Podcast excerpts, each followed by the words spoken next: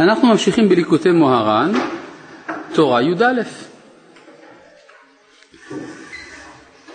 ואנחנו באמצע פסקה ז', נכון? תורה י"א, באמצע פסקה ז'.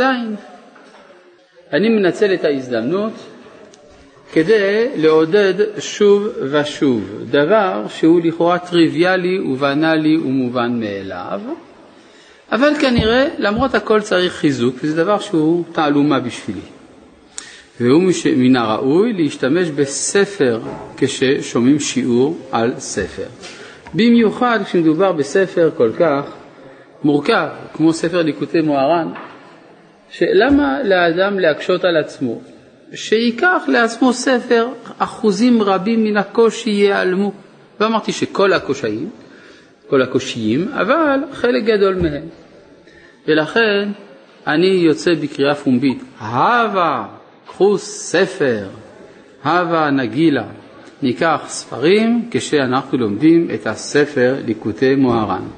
ואז תמידו לי, יהיה יותר קל.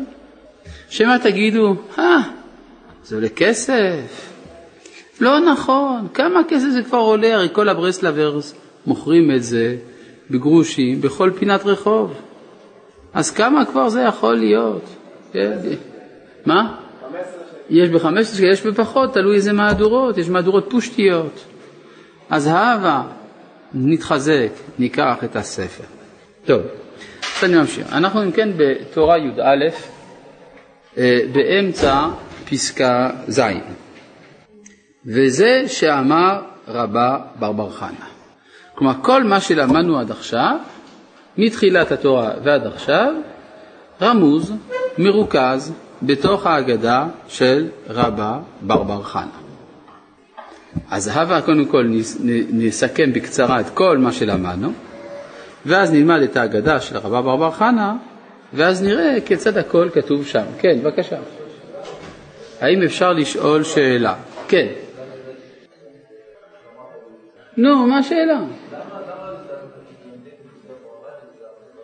למה מלמדים ליקוטי מוהר"ן אם זה הרבה קבלה? ואנחנו לא ברמה הזאת. טוב שהוספת, כי הרי אם מדובר על לימוד הקבלה, הרי צריך ללמוד כל התורה כולה. אדם לא פטור מללמוד כל חלקי התורה, אלא מה אתה אומר? צריך לחכות עד שאדם נמצא ברמה הראויה. אחרי גיל 40 אתה אומר. מילה כסו, ש"ס ופוסקים. עוד? נו. מספיק? נשא אישה. מה עוד? יאללה, תוסיף עוד. טוב. התשובה היא שאנחנו לומדים ליקוטי מוהר"ן כי זה צורך הדוב. עכשיו, אנחנו לא לומדים את הדברים כפי, כלומר דברי קבלה שהוא מביא, אנחנו לא לומדים אותם כפי שהם בתורת הקבלה עצמה. אלא לומדים השלכות שלקוחות מתורת הקבלה, אבל כפי שהן חודרות לתוך עולם הפשט או הרמז של רבי נחמן. כלומר, ודאי שאנחנו לא עסוקים בתורת הקבלה עצמה. כן? גם כשלפעמים הוא מביא איזה מקור, איזה רעיון, איזה ביטוי שמקורו מתורת הקבלה, הוא לא מתכוון להסביר אותו כפי שהוא שם, אלא הוא רוצה להסביר את המושג הזה כפי שהוא משפיע על תורת הנגלה.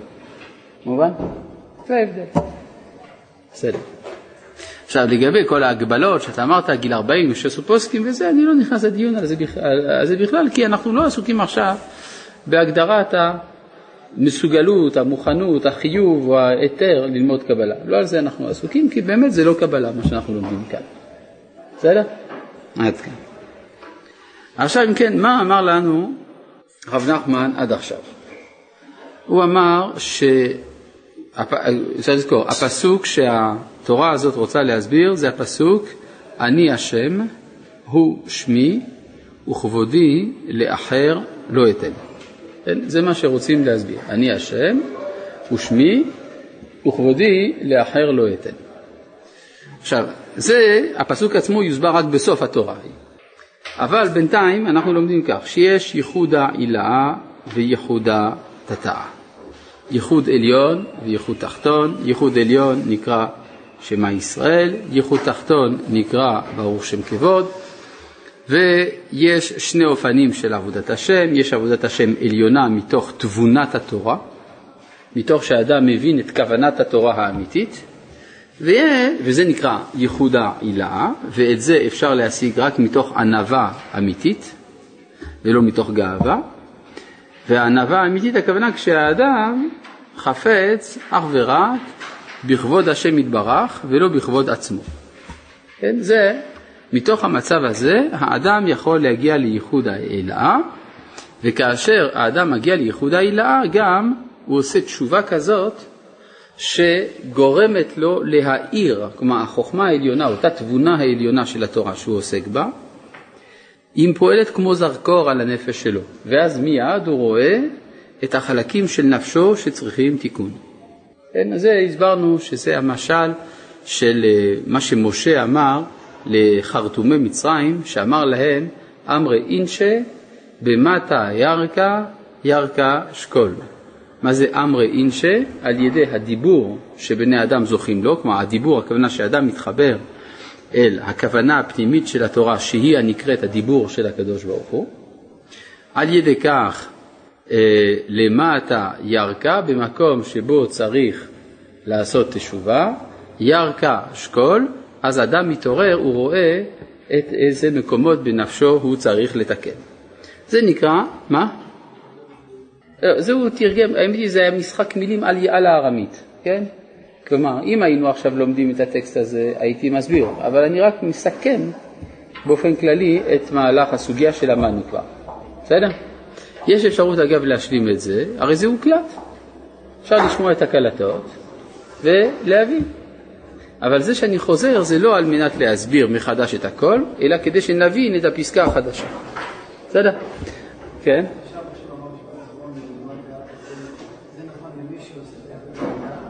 כן, כן, זה מה שהוא אמר, נכון.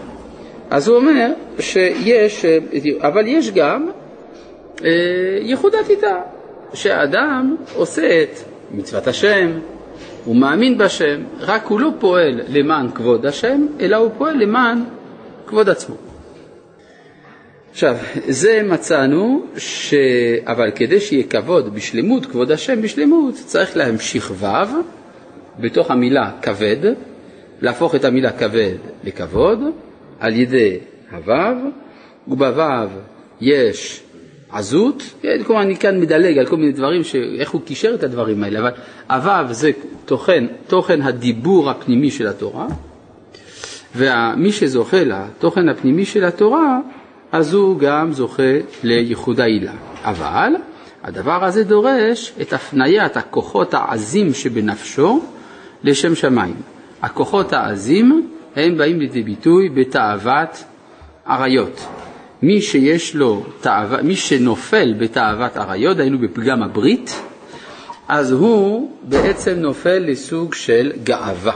כי מה שפגם הברית עושה, תודה רבה, הוא מעצים את התחושה של האדם את עצמו, ואז יוצא שיש יחס ישיר מבחינה עניינית בין הגאווה לבין פגם הברית.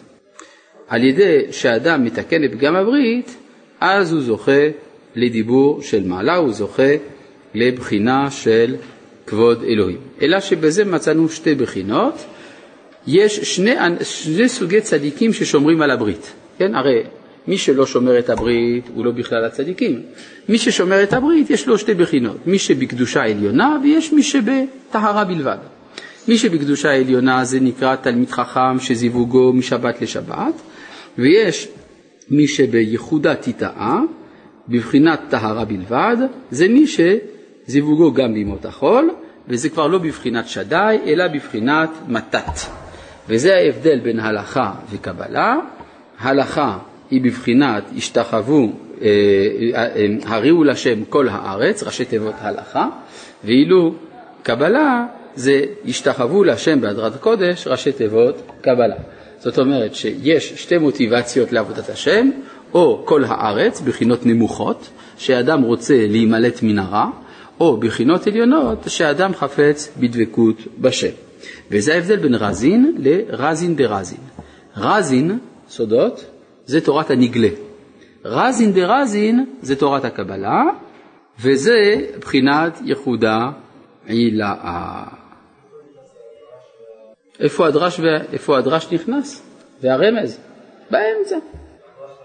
הדרש והרמז נכנסים באמצע. כלומר אפשר לומר הכל שייך לפשט עד שאתה מגיע לסוד. פשט, רמז, דרש, דבר אחד.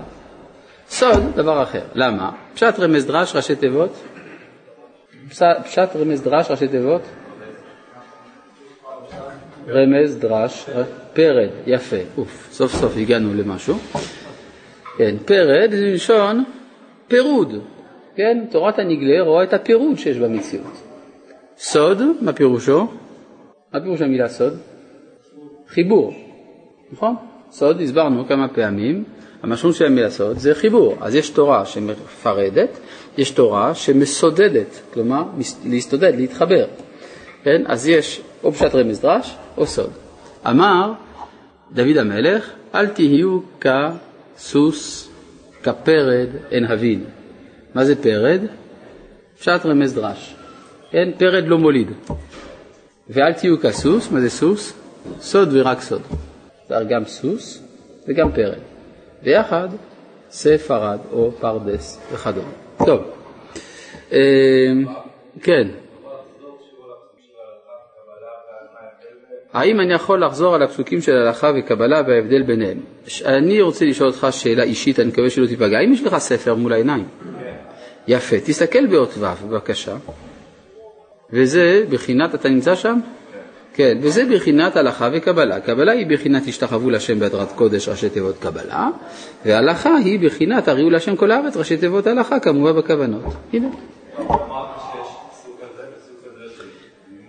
כן, יש שתי סוגי מוטיבציות בלימוד. יש אדם שרוצה להימלט מן הרע, הוא רוצה לעשות טוב ולא לעשות רע, קוראים לזה צדיק, זה בסדר גמור. כן? אבל עדיין הוא לא מבקש כבוד שמיים, הוא מבקש כבוד עצמו.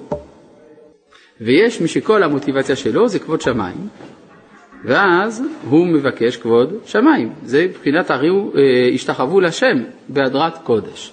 בסדר? זה ההבדל בין רזין לרזין דרזין. ברוך אתה אדוני אלוהינו מלך העולם שהכל נהיה ברור. טוב, אז עכשיו, אחרי שסיכמנו פחות או יותר את כל מה שהוא אמר לנו עד עכשיו, ואני יודע שאני קיצרתי בצורה סכמטית ומזעזעת, עכשיו אנחנו יכולים לגשת להגדה של רבא בר חנה ולראות איך רב נחמן רומז את כל מה שלמדנו עד עכשיו באותה הגדה. כן, כדרכו בתורות האלה. עד כאן מובן? טוב. וזה שאמר רבא בר, רב, וזה שאמר רבא בר בר חנה. אגב, איך קראו לאב, לאבא של רבא בר בר חנה? בר חנה. איזה מין שם זה, בר חנה? לא היה לו שם פרטי? כן, אבל איך קראו לאבא של רבא בר בר חנה? לא, אז קראו לו, אני אגיד לכם איך קראו לו, קראו לו רבא בר חנה.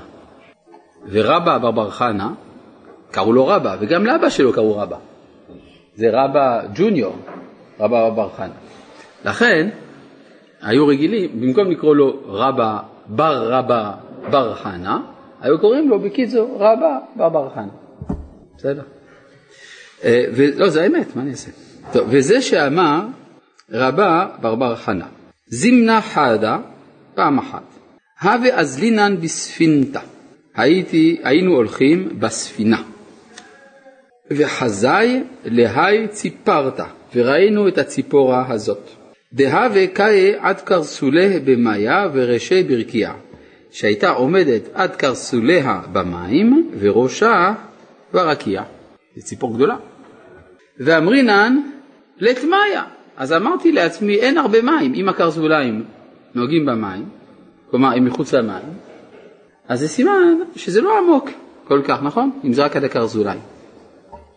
ובעינן למחת לעקורי נפשין, ורצינו לרדת לתוך המים כדי לקרר את עצמנו. כלומר, היה יום חם, רצינו קצת להשתכשך במים, אז רצינו להיכנס למים שמתחת לקרסוליים של הציפור הזאת.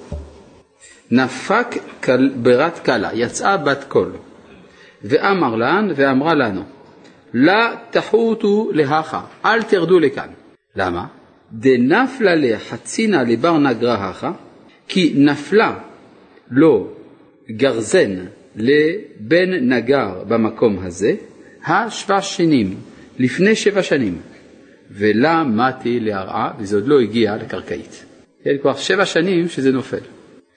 ולה משום דנפישה מאיה, וזה לא בגלל שיש הרבה מים, באמת אתם צודקים, אין הרבה מים, אלא משום דרדיפה מאיה, בגלל שהמים כל הזמן זורמים בחוזקה, רדיפה מאיה, זאת אומרת המים כל הזמן בזרם חזק.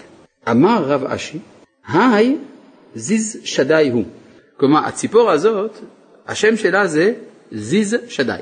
דכתיב וזיז שדי עמדי. כן, שהרי הראש מגיע עד הרקיע, אז נקרא עמדי, שכביכול נמצא אצל הקדוש ברוך הוא, זיז שדי. מה? והכתוב, והכתוב נאמר שדי, נכון? וזיז שדי. זה לא משנה בכלל, רב נחמן יסביר ששדי כמו שדי. בסדר? עכשיו, מה שעולה לנו מכל הכתוב כאן, זה שהרבה מאוד ביטויים שאנחנו תרגמנו אותם לעברית מן הארמית, רב נחמן יסביר אותם ש... באופן שונה לגמרי מאיך שפירשנו. לכן אני קודם כל תרגמתי לפי התרגום הרגיל, אבל אנחנו נראה שבעצם צריך להבין את זה אחרת. אז קודם כל, מה זה הציפרת? כן, הציפורת הזאת. זה בחינת הדיבור. ציפור זה דיבור. ראיתם פעם ציפור? צפצף, נכון? נכון? מדבר הרבה. אז זה פטפטת, זה הדיבור.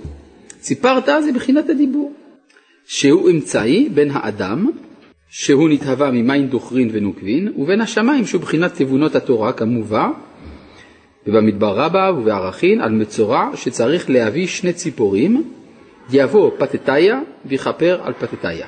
כלומר, אמרו למה המצורע כשהוא מטהר הוא צריך להביא שני ציפורים?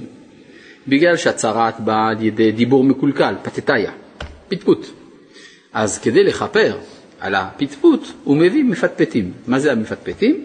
הציפורים, שהם עושים, כן, זה דוגמה, יש כל מיני דוגמאות אחרות, למשל קוואק קוואק וכדומה, אבל אין לי עניין כעת לעשות רשימה כללית של כל סוגי הקולות של הציפורים, לכן אני משאיר את זה לדמיון שלכם. אז אם כך, אה, הציפור זה הדיבור, והציפור הזה, מה זה הדיבור? הדיבור האלוהי, הדיבור שבא מתבונות התורה ופונה אל האדם, כך שלפי מה שאמרנו, אם האדם זוכה, הוא מתחבר אל הדיבור העליון, ואז הוא אה, זוכה גם לקדושת הברית, לענווה וכולי וכולי. כן? ברגע שיש קלקול בדיבור, כבר אין קדושת הברית, אין ענווה וכולי. מה? זה לא משנה באיזה כיוון זה הולך. לכן אני בכוונה הפכתי עכשיו את היפה, אבל אני בכוונה הפכתי את הכיוון. כלומר שענווה תלויה בקדושה, קדושה תלויה בענווה, זה כמו הביצה והתרנגולת. אין הכוונה פה לציפורת, אבל בסדר. עכשיו, אה, אז אם כן, הציפרת זה בחינת הדיבור. כלומר, זה מה שאנחנו רוצים לזכות לו. רוצים לזכות לדיבור הזה. שהוא אמצעי בין האדם, האדם זה המים. כן? למה? נתהווה ממים דוכרין ונוקבין. מים, נק... אה, אה, מים זכריים ומים נקביים. טוב, זה באמת מושג של הכוח מתורת הקבלה. הנה דוגמה, כן? אנחנו הרי לא לומדים קבלה, אנחנו לא בכל, עם כל הנתונים המאפשרים את לימוד הקבלה, לפחות אתה מדבר לעצמך. אה, אז נכון, אנחנו לא בנתונים האלה, אבל אנחנו פשוט מבינים שיש באדם צד זכרי וצד נקבי. מה הכוונה זכרי? השפעה ממעלה למטה. מה זה צד נקבי? השפעה ממטה למעלה. והמפגש בין שתי הנטיות האלה זה האדם. כן? כלומר, האדם זה מין יצור כזה שהוא לא שייך לא לעליונים ולא לתחתונים. מסביר המהר"ל, העליונים הם שלמים. מה זה העליונים? המלאכים למשל.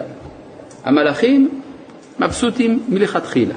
מאז שהם נוצרו ועד עצם היום הזה, המלאכים שלמים. מתקדמים? לא, אין קדמה. אין קידום אצל המלאכים, המלאכים תמיד באותה מדרגה, כמו שנאמר, העומדים האלה בספר זכריה. לעומת זה התחתונים, אומר המהר"ל, תמיד חסרים. למשל, החתול תמיד טיפש. אין, אין חוכמה בחתול יותר ממה שחתול יכול להשיג מראשית הופעת החתולים על פני כדור הארץ ועד עצם היום הזה לא נשתנתה התרבות החתולית כהוא זה. החתולים של היום והחתולים של פעם, החנותים בפירמידות במצרים, אותם חתולים. אלא שכאשר פתחו את אחד החתולים החנותים במצרים, הורידו לו את כל התחבושות, והוא דיבר, הוא אמר אמנם מיהו, אבל במבטא מצרי קדמון בכתב חרטומים. אבל בכל זאת, זה פחות או יותר אותו הדבר. מה שאין כן האדם, אז זאת אומרת שהתחתונים תמיד חסרים, וטוב להם עם זה, כי אין ציפייה לי יותר מזה. מה שאין כן, האדם שהוא מין יצור אמצעי כזה. לא, זה בדיוק מה שאני מסביר, רק רגע. מה שאין כן האדם, שהוא תמיד בהתהוות ובהתפתחות, ממצב של חסר למצב של שלם, כך שאפשר לומר שזה מהותי לאדם להיות בדינמיקה של עלייה. ומאיפה זה בא לו לאדם? מזה שהאדם נוצר מהמתח בין שתי נטיות. בין השפע שבמעלה למטה, נקרא מים דוכרין, לבין ההתעוררות של האדם ממטה למעלה, נקרא מים נוקבין. אמנם המושגים האלה לקוחים מתורת הקבלה, אבל הם פה מוסברים על דרך הדרוש. לא כפי שזה שם. פרשטייסט? טוב. אוקיי, אם כן, מה?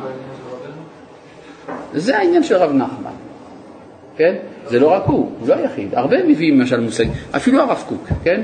שמשתדל מאוד לא ללמד את, תורת הקבלה בשפתה המקורית, לפעמים הוא מביא מפה, משם, איזשהו מושג שלקוח מהזוהר, מהארי וכדומה. אם אתה למדת גם קבלה, אז ודאי שאתה תבין יותר לעומק את מה שהוא כותב. אבל זאת לא המטרה של הכתיבה הזאת. כלומר, מי שרוצה ללמוד סתרי תורה, יש ספרות של סתרי תורה, יש תנאים של לימוד סתרי תורה, וזה לא עובר דרך זה, בדווקא. ברור. ברור שמי שכבר הגיע למידה זו שהוא לומד קבלה, אז גם כל דבר שהוא לומד, שהוא לא קבלה, הוא לומד אותו אחרת. למה זה נקרא מים? למה זה נקרא מים? כי מים זה מה שבתנועה, זה מה שמחיה.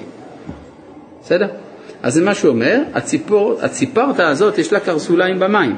כלומר, תבונות התורה, הדיבור העליון, הוא מגיע, הוא מחבר בין השמיים, כי הרי הראש של הציפור הזאת נמצאת ברקיע, נמצא ברקיע, וזה מגיע, הקרסוליים, עד האדם, שנקרא מאיה. בסדר? עד כאן מובן? אגב, אדם בגמטריה 45 כמה זה יוצא? מה זה יוצא? מה? מה? זה יוצא מה, נכון? האדם בגימטריה מה, נכון? מה הרבים של המילה מה? מים, יפה. בסדר? אז זה מה אומר גם פה. אה, יבוא פתתאי, וזהו דקאי עד קרסולה במאיה. כי מאחר שהדיבור צריך להעיר לו בכל המקומות שצריך לעשות שעת תשובה, כן, פה הוא אומר דבר מאוד מעניין, מה זה הרגליים האלה, כן, הקרסוליים? למה, למה ציינו את הקרסוליים של הציפור? אמרנו שכאשר האדם זוכה לדיבור, ממילא לתבונות התורה, מיד הוא רואה מה הפגמים שלו, ומיד הוא רואה מה הדברים אצלו שצריך לתקן, נכון? דיברנו על זה. אז זה בדיוק זה, עד קרסולי במאיה, כי מאחר שהדיבור צריך להעיר לו בכל המקומות שצריך לעשות שם תשובה, ולפעמים בבחינת ותגל מרגלותיו ותשכב, שהדיבור צריך להאיר באדם שהוא למטה במדרגה פחותה, זה נקרא מרגלותיו, ועל כן נקרא הדיבור ציפרת דקאי עד קרסולי במאיה, כלומר ציפור העומד עד קרסוליו במים, מאיה, מה זה? הוא בחינת האדם, שנתהווה ממים דוכרין ומים נוקבין כידוע, והדיבור, שהוא בחינת ציפרת, קאי עד קרסולה, אצל האדם שהוא במדרגה פחותה, כדי להעיר לו בבחינת ותגל מרגלותיו וכולי כנ"ל, וזהו דקאי עד קרסולה במאיה כנ"ל. עד כאן זה הסבר של החלק הראשון של ההגדה של הרב בר חנה. זה מובן? יש משהו לא ברור? אם הכל ברור, זה נפלא. הבה נמשיך. ואמרינן, במקום לצחוק, מי שזה לא ברור לו, שישאל. ואמרינן, לט מאיה. כלומר, מה אומר רבא בחנה? אמרתי אין מים. כלומר שאין מים שזה לא עמוק. אז כאן הוא מסביר אחרת לגמרי. היינו שהבינו שאי אפשר לזכות לדיבור אלא על ידי כבוד בשלמות, כלומר כבוד שמיים בשלמות, שיהיה האדם בעיניו אפס ועין. כן? יש אנשים שמבינים את זה. אתה רוצה להגיע לכבוד שמיים? אתה צריך לעשות את עצמך כלום, אפס. וזהו לית מאיה, שאין מים, שאדם יחזיק עצמו לעין. בסדר, עד עכשיו זה יפה. ובעינן לנחותה, ולכן רצינו לרדת. מה זה לרדת? לשון שפלות, היינו להיות שפל וענב.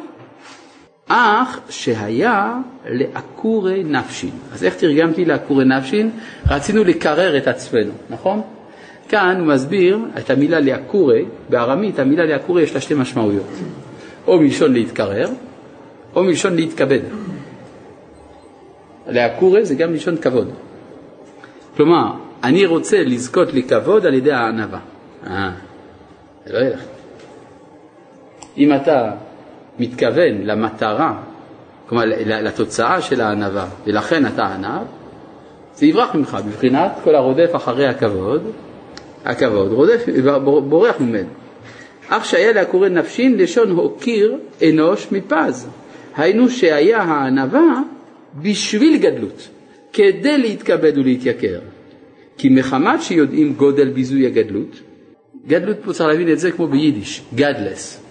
שגדלס הכוונה חשיבות שאדם מחשיב את עצמו, גאווה, גדלס פירושו גאווה. כמו המילה האחרת ביידיש חשיבס, שבאה מהעברית חשיבות. כן? יש כמה מילים כאלה, שצריך להבין את הקונוטציה המיוחדת, כן? גדלס חשיבס. כן. אז הוא אומר, אה, אז משהו, כדי להתכבד, כי במחמת שיודעים גודל ביזוי הגדלות, על כן הם ענבים בשביל להתכבד ולהתייקר על ידי הענבה. וזהו בחינת עניבות שהוא תכלית הגדלס. וזהו ובעינן לנחותה, להיות שפלים, וענבים, רצינו באמת להיות ענבים, אבל מה זה היה? לעוקורי נפשין, כדי שעל ידי זה נהיה יקרים וחשובים. כי הגאווה מבוזה מאוד, כלומר ידעו שיש כבוד בזה שאין לאדם גאווה. נפק ברת קלה ואמר לה תחותו לאחה. כלומר, ויאז יצאה בת קול ואמרה לא לעשות את זה. לה תחותו, כלומר אל תרדו להיות שפלים בשביל זה, בשביל עוקורי נפשין.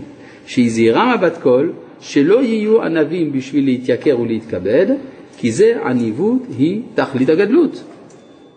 עכשיו, כאן ניכנס לעומק יותר גדול. מאיפה זה בא כל התסבוכת הזאת של הגדלות והענווה? כן? איך זה שבעולם הזה, כדי להביא לגדלות שם שמיים, צריך לוותר על הגדלות האנושית. שכדי לזכות לכבוד צריך להיות בענווה, ולא צריך להתכוון לזכות לכבוד. כל התסבוכת הזאת, מאיפה זה בא? זה בא, זה לא נגיד ככה במקור, אלא זה תוצאה של איזשהו משבר עולמי, איזושהי קטסטרופה קוסמית שמתוכה התהוותה כל הנפילה הזאת. מה שהמקובלים מכנים בשפה שלהם שבירת הכלים. אומנם בקבלה יש לזה משמעות אחרת לביטוי הזה, אבל אנחנו מסבירים את זה על דרך הפשט. הדרש, רזין, לא רזין דרזין. בסדר. אז מה הוא אומר כאן? דנפלה חצינה לבר נגרה השוושתין ולמדיה לערה. נפל הגרזן של הנגר פה לפני שבע שנים ולא הגיע לקרקעית, נכון? נכון. שהבת קול הודיעה להם שורש הגדלות, כדי שיתרחקו עד קצה האחרון, ולא יחוטו לאחה, שלא יהיו ענבים בשביל גדלות. כלומר, אל תנסה בשביל הגדלות שלך להיות ענב. כמאמר חז"ל, מאוד מאוד הווה שפל רוח. היינו, שהודיע להם שהגדלות הוא מנפילות ההתפארות והגאווה של הקדוש ברוך הוא שהוא לבושו, כמו שכתוב, השם מלאך גאות לבש. כלומר, למי ראויה הגאווה? רק לקדוש ברוך הוא. אומרים את זה בפיוט האדרת והאמונה, אז יש שם אה, בית, הגאווה והגדולה לחי העולמים. כן, למי ראויה הגאווה? לקדוש ברוך הוא בלבד. מדוע? כי הוא המציאות המוחלטת, הוא כפי כלשונו של הרמב"ם, מוכרח המציאות. כל דבר זולתו הוא רק אפשרי המציאות. אז אין מקום לייחס לעצמו מציאות, שזה התוכן של הגאווה, אלא לקדוש ברוך הוא בלבד. עשיר על השם, כי גאו, גאה. אצלו הגאווה ראויה מאוד. הוא באמת מקור כל הוויה, הוא החי המוחלט, ולכן ברור, השם מלאך, גאות לבש, ראוי לו. אז יוצא לפי זה שכל גאווה שיש בעולם, כל גדלס שיש בעולם, מאיפה זה בא? זה בא מנפילת התפארת האלוהית לתוך מעמקי הקליפות. יוצא לפי זה שכאשר האדם מתגאה, הוא גונב מהגאווה של מעלה. ולכן, אם הוא רוצה לתקן את העולם, הוא צריך להשיב את הגאווה למעלה ולהיות בתכלית השפלות. כן.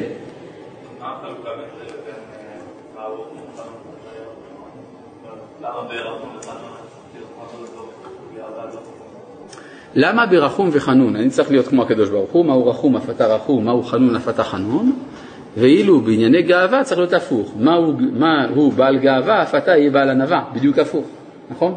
שאלה נפלאה, תשובה, כי כדי לזכות לגאווה האלוהית אתה צריך להיות בעל ענווה. כלומר, כאשר אתה בעל ענווה, אז אתה נכלל בגאות העליונה. זה האופן לזכות לאותה גאות. זה מה שהוא אומר כאן, כן?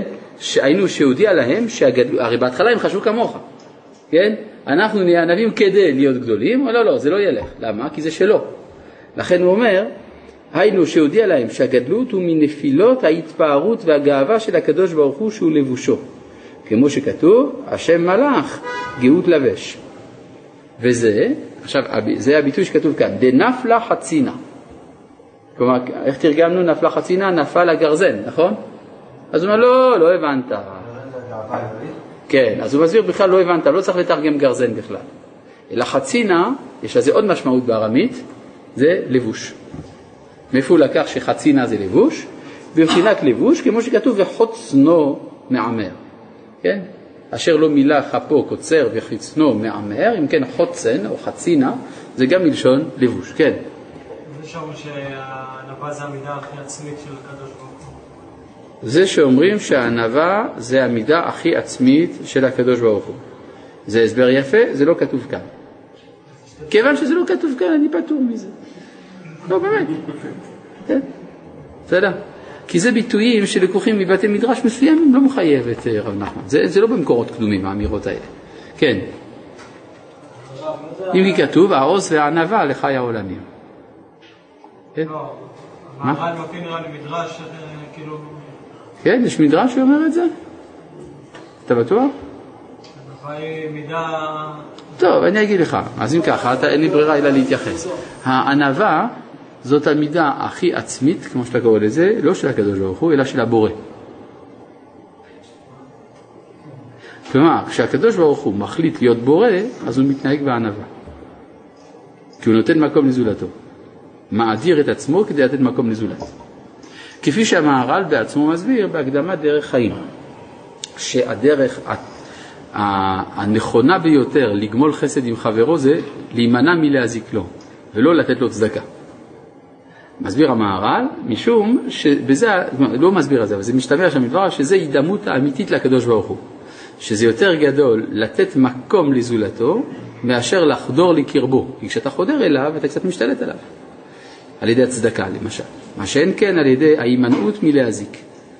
אז במובן הזה, כבורא, זאת המדרגה, זאת, זאת, זאת, אומרת, זאת התכונה העצמית של היותו בורא.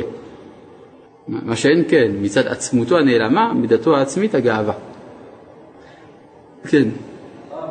מה שאני אתן לך דוגמה, יש ביטוי כזה, אה, איזה הוא גיבור? הכובש את יצרו, נכון? הקדוש ברוך הוא קוראים לו האל הגדול והגיבור. מהו יצרו של הקדוש ברוך הוא שצריך לכבוש אותו? היצר שהוא כובש זה יצר ההתפשטות המוחלטת, שאין זולתו, והוא גובר על היצר הזה, נותן מקום לזולתו. כן? אז זה ענווה. מה רצית? הגאווה האלוהית זאת שלמות המציאות. הרי הוא מוכרח המציאות ואין זולתו מוכרח המציאות. כדברי הרמב"ם בהתחלת יסודי התורה, נכון?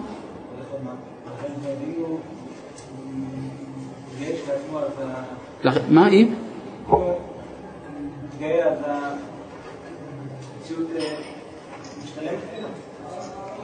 לא, הוא לא צריך להתגאות, הגאווה היא לבושו. כן, זאת אומרת שהוא הכל, הוא כל המציאות. לא צריך לעשות שום מאמץ בשביל זה. זה נתון. לא, בשביל להילחם צריכים לעשות משהו, נכון? כדי מה? להילחם, לרחם. כן, להיות לא מאמץ. אתה מדבר אצל האדם? הקדוש ברוך הוא מביא איזשהו שינוי של המצב. השם כן, מה אתה רוצה להגיד?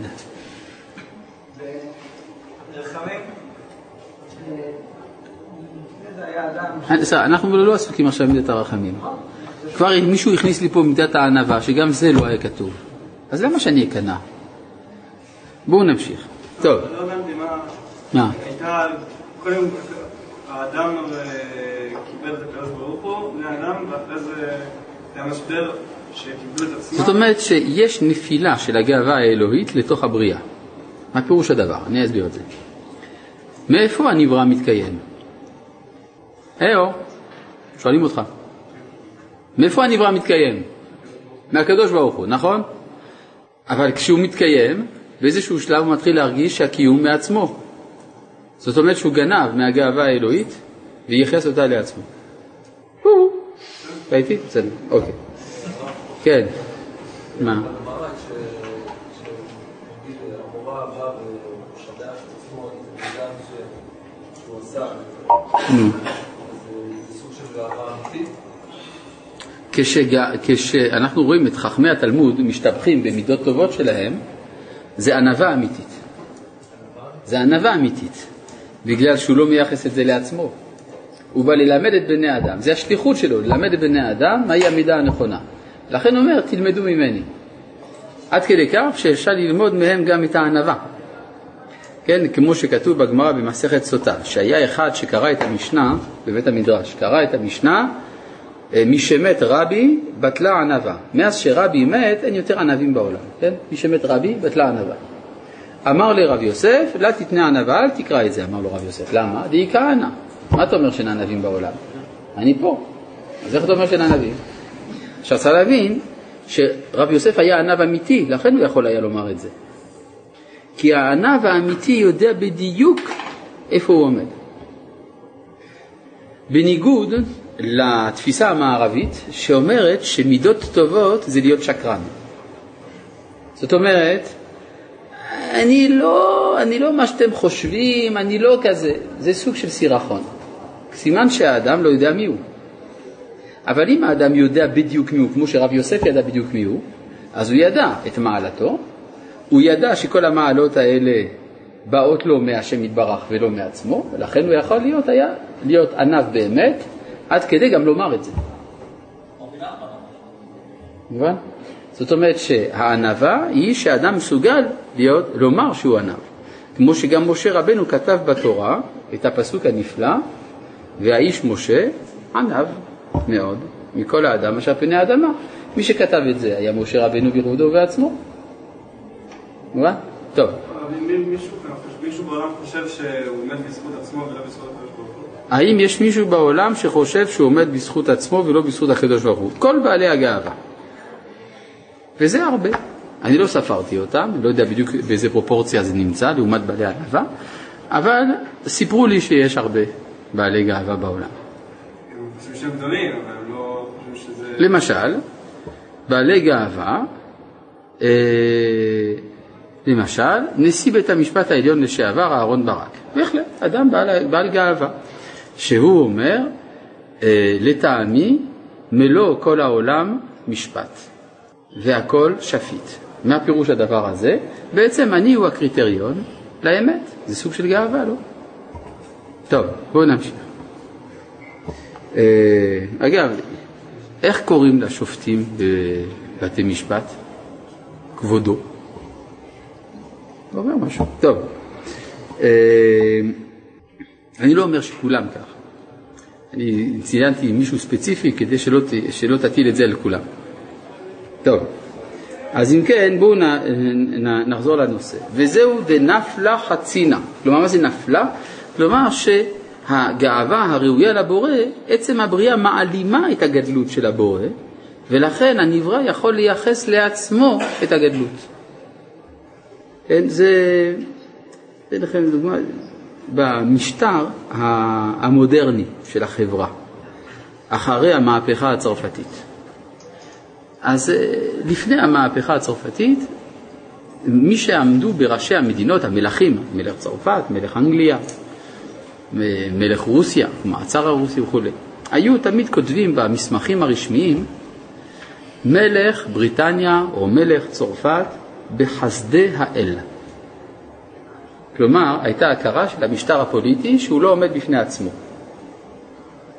ועם המהפכה הצרפתית התהפכו היוצרות, ועכשיו הומצאה הריבונות. כן? כלומר, המוסד החברתי, המוסד הפוליטי, הממסד הפוליטי, הוא ריבון, הוא הריבון, ולכן איננו תלוי בשום גורם זולתו. זה סוג של גאווה. בסדר? זה במקום האלוהים, הדמוקרטיה, המשטר וכדומה, יש בזה בהחלט בעיה מטאפיזית רצינית מאוד. לא בכדי, בחברה החילונית של המאה ה-19, אחר כך נולדה, נולד המשטר הפשיסטי. המשטר הפשיסטי שבאופן גלוי ובוטה העמיד את המדינה במקום האלוהים. כן? היום כבר מתביישים מניסוחים כאלה, אבל צריך לדעת שלא בכדי הדברים האלה הופיעו מתי שהופיעו. טוב, אז מה שאומר, נפלה חצינה. זה הרב קוק מסביר את זה בהרחבה בספר אורות, בחלק הנקרא למהלך האידאות בישראל. שם, בפסקה השלישית של פרק א', או הרביעית, אפשר לבדוק את זה, מה אתם אומרים? איך אומר כאן הרב?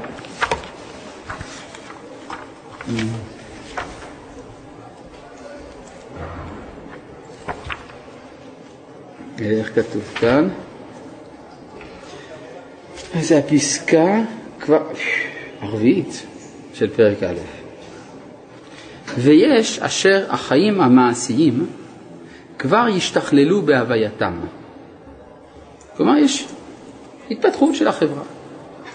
התכונות החברתיות, המוסריות והחומריות, כולן התקשרו בקשר אמיץ ומסודר. זה מתפקד. החברה מתפקדת. יש לה ערכים, יש לה משטר, יש לה כלכלה, זה מתפקד. והאורה האלוהית, המושקפת אל מקום מעמד החברה, כהה היא שמה בעצם ריחוקה. אז, אני מדלג פה שלוש שורות, אז תיסוב הלאומיות אחורנית, ותרצה להתבצר ברעיונה המיוחד, ולא תובא לפנות עוד אל מקור הווייתה היסודית שהוא הרעיון האלוהי. יש מצבים של גאווה חברתית. כלומר, לא גאווה של אדם ספציפי זה או אחר, אלא זה גאווה של הציוויליזציה. היא בעלת גאווה. במובן? זה נפלה חצינה. מה ששאלת, האם יש אנשים כאלה, ועוד איך שיש, יש אפילו חברות שלמות כאלה. יש אפילו אה, ספר שיצא לפני כמה שנים אה, של אוריאנה פלאצ'י. אוריאנה פלאצ'י הייתה עיתונאית וסופרת אמריקאית ממוצא איטלקי, אנטי מוסלמית מובהקת, ראש החץ של המלחמה באסלאם בארצות הברית, והיא כתבה את הספר, אז היא כבר הייתה זקנה, שהיא כתבה את הספר בעקבות הפיגוע במגדלי התאומים בניו יורק. ואז היא כתבה ספר זועם מאוד, כתוב בסגנון ספרותי מחודד, שבו היא שופכת את כל מה שיש לה נגד האסלאם. בין הפונדמנטליסטי, בין הלא פונדמנטליסטי, הכל. איך נקרא הספר? לא זוכרים? הזעם והגאווה. יש לה זעם ויש לה גאווה. היא מסבירה, מה זה היה הפגיעה במגדלי התאומים? זה פגע בכל הערכים של אמריקה. ומה הם הערכים של אמריקה? המגדלים הגבוהים. היא אומרת את זה. המגדלים הגבוהים האלה, זה הערכים שלנו, בזה פגעו. נו, אז במה פגעו? בגאווה. כן? זה מה שאומר. היה מאוד מעניין, שם אפשר להבין הרבה על המאבק בין המזרח למערב מתוך הספר הזה, אבל לא ניכנס עכשיו לפרטים. אולי רק פרט אחד שכדאי בכל זאת לשים לב. מה? כן. לרבה בבר חנה הייתה גאווה, איפה ראית את זה? אה, הוא חשב, בהתחלה הייתה לו הווה אמינא, שצריך להיות בעל ענווה כדי לזכות לכבוד. כן, הכבוד שלו זה כבוד שמיים שהוא רוצה לזכות לו. הוא לא צריך לכוון לזה.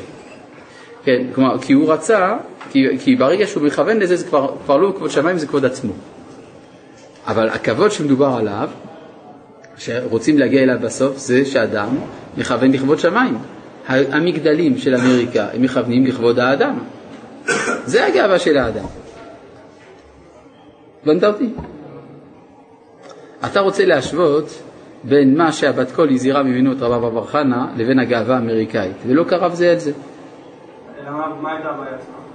הבעיה אצלו זה שהוא חשב שכדי להגיע לכבוד שמיים הוא צריך גם להתכוון לזכות לכבוד שמיים. ואז יוצא שזה הופך להיות מעלה שלו. מה? זה הופך להיות, זה כן, כלומר, אני בעל המעלה הזאת. אז, צריך, אז אמרה לו הבת קול אל תנסה את זה. אלא צריך קודם כל, צריך באמת לא, לא, צריך, לא, לא אמרנו לא לעשות כלום חלילה, לא אמרנו להתבטל, אלא לא להחשיב עצמו לכלום. וכיוון שהאדם לא מחשיב את עצמו לכלום, אז הוא עושה הרבה, כי זה לא הוא פועל. לא, אבל זאת אומרת שבן אדם עובד על הכעס בפרט, על הגאווה בפרט, על הענווה בפרט, אז הוא פשוט צריך להתבטל ולקבל את הביקורת של עצמו. לא, זה, לא פותר, זאת אומרת, כשאדם נגיד אה, נלחם נגד נטיות רעות שיש בו, רוצה לתקן את עצמו, לשפר את עצמו, זה לא מתוך הרגשת עצמו, אלא אדרבה, מתוך נקודת מוצא של הביטול, של ביטול היש. אני כעין. מתוך הידיעה הזאת יש חובה לפעול, לתקן את זה, לתקן את זה. לפי זה כל שאר המצוות, יוצא, המידות יוצאות מהענווה. כן. כל הנוספים האלה של אני ירקתי והשם פגע, האלה, לא יודע, לא יודע, זה נראה לי קצת אה, יותר מדי. טוב, אה, אז בואו נראה מה שאומר רב נחמן. וזה דנפלה חצינה בבחינת לבוש, כמו שכתוב וחוצנו מהמר. מי זה בר, בר נגרה, כן? מי זה הנגר הזה שאיבד את הלבוש? זה הקדוש ברוך הוא. הוא הנגר. איפה ראינו שהקדוש ברוך הוא נקרא נגר? הנה, כמו שכתוב, המקרא במים עליותיו וכמאמר אלוהיכם נגר הוא. כן, זה בגמרא במסכת חולין, שהבת של הקיסר אמרה לרבי יהושע בן חנניה, אלוהיכם נגר הוא. איך היא ידעה שאלוהיכם נגר? שהרי כתוב המקרא במים עליותיו. מה זה מקרא? שם תקרה, כן? קורות. אז זה מי ששם קורות הוא נגר. לכן אמרה אלוהיכם נגר הוא. כן. אז מנפילת הלבוש הזה נתהווה הגדלות, כלומר הגאווה, שהוא בחינת שבע בתי עבודה זרה, שעל ידי זה גלו ישראל מארצם. כן, כתוב במפורש, לא גלו ישראל עד שלא עבדו שבעה בתי דינים עבודה זרה. כן, שם עושים רשימה של מי הם הבתי דינים שעבדו עבודה זרה, ירובעם בן נבט, בעשה, יהוא בן נמשי וכולי, כלומר שבעה בתי דינים שעבדו עבודה זרה ורק אז גלו ישראל. כמאמר חז"ל, לא גלו ישראל עד שעבדו בה שבע בתי דין עבודה זרה, ובשביל זה נקרא עבודה זרה לשון תפארת. כמו שכתוב, כתפארת אדם לשבת בית. שם בישעיהו זה נאמר על פסל של עץ שעושים לעבודה זרה. כי עבודה זרה שהוא הגדלות ומתפילת התפארותו, וזהו השבע שנין. הרי מה אמרה בת קול? זה כבר שבע שנים שהחצינה הזה לא הגיע למטה. מה זה חצינה? אמרנו זה הלבוש, ההתפארות. זה בחינת הגדלות שהוא בחינת שבע בתי עבודה זרה, וזהו ולא מטה להרעה. מה זה לא מטה להרעה? הסברנו, לא הגיע לקרקעית. הוא אומר, לא, זה לא ככה. לה מטה, לא באנו, להרעה, לארץ. איזה ארץ? ארץ ישראל. כלומר, בגלל שעדיין אנחנו בגאווה, לכן לא הייתה הציונות, לפחות בימי רבה בר בר חנה. היינו שעל ידי העוון הזה, עדיין לא חזרנו לארצנו. אבל זה למרות. מה? זה למרות שהגאווה הייתה יכולה לתת לארץ, הייתה את הנפילה הזאת, לא הגענו לארץ. לא הבנתי, מאיפה אתה לוקח את זה? הוא אומר ככה, זה כבר שבע שנים שה, כלומר שבע עבודה זרה, שלקחו את הלבוש של הקדוש ברוך הוא והפילו אותו, בגלל זה, למה תלהרה? בגלל זה אנחנו לא באנו לארץ. ככה הוא מתרגם, בסדר? כי על ידי העוון הזה, שהוא הגדלות, שהוא כעובד עבודה זרה, בחינת שבע בתי עבודה זרה, על ידי זה גלינו מארצנו כנ"ל. ועל ידי זה עדיין לא חזרנו לארצנו, הכל על ידי העוון הזה של הגדלות, שהוא בחינת עבודה זרה כנ"ל. וזהו, ולמה משום דנפי שמאיה, היינו לא, לא תאמר שבשביל זה לא מטה להרעדנו שאין יכולת להגיע ולשוב לארץ ישראל, משום דנפי שמאיה, מחמת שהגויים הם רבים, תגיד נפי שמאיה, מאיה, אמרנו בהתחלה זה אדם, עכשיו הפירוש החדש למילה מאיה זה הגויים עצמם נקראים מים, אז אל תגיד זה בגלל שהגויים לא נותנים שלא חזרנו לארץ, בחינת רבים הגויים האלה שהם מים רבים, זה לא, זה לא מתחיל מהגויים, אלא משום דרדיפה מאיה, שהם רודפים אחר הכבוד, שהוא בחינת מים, בחינת אל הכבוד יראים השם על מים רבים, פירוש שלישי למילה מאיה.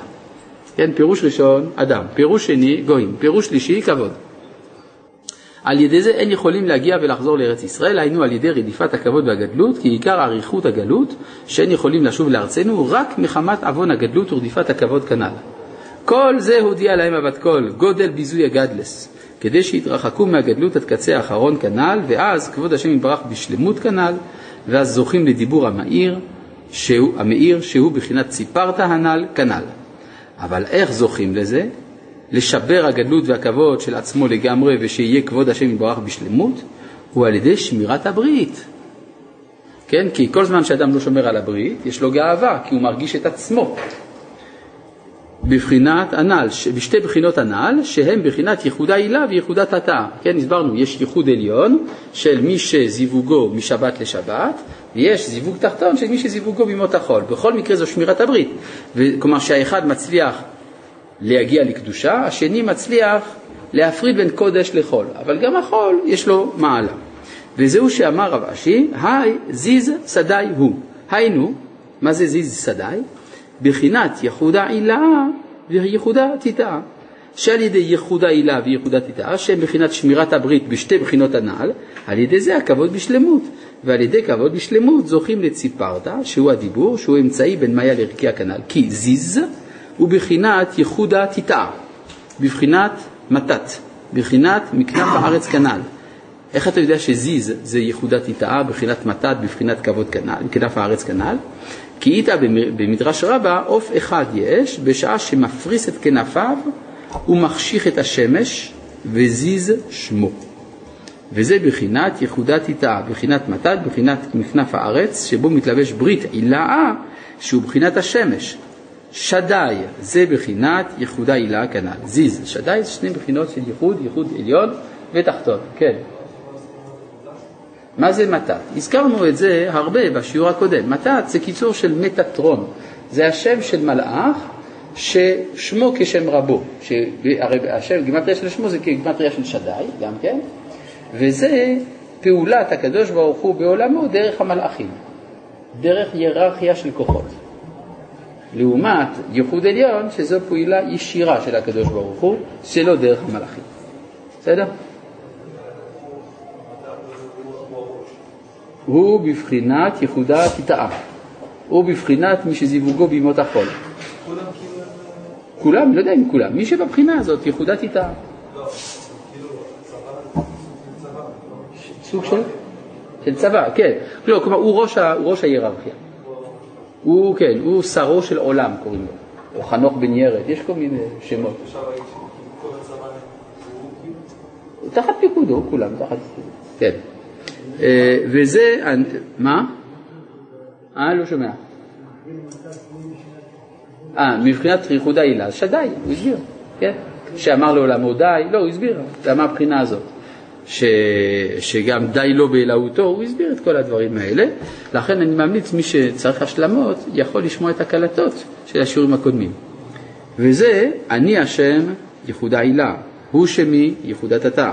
וכבודי לאחר לא אתן, זה בחינת כבוד בשלמות, ותהילתי לפסילים, זה בחינת הדיבור, כמו שכתוב, תהילת השם ידבר פי.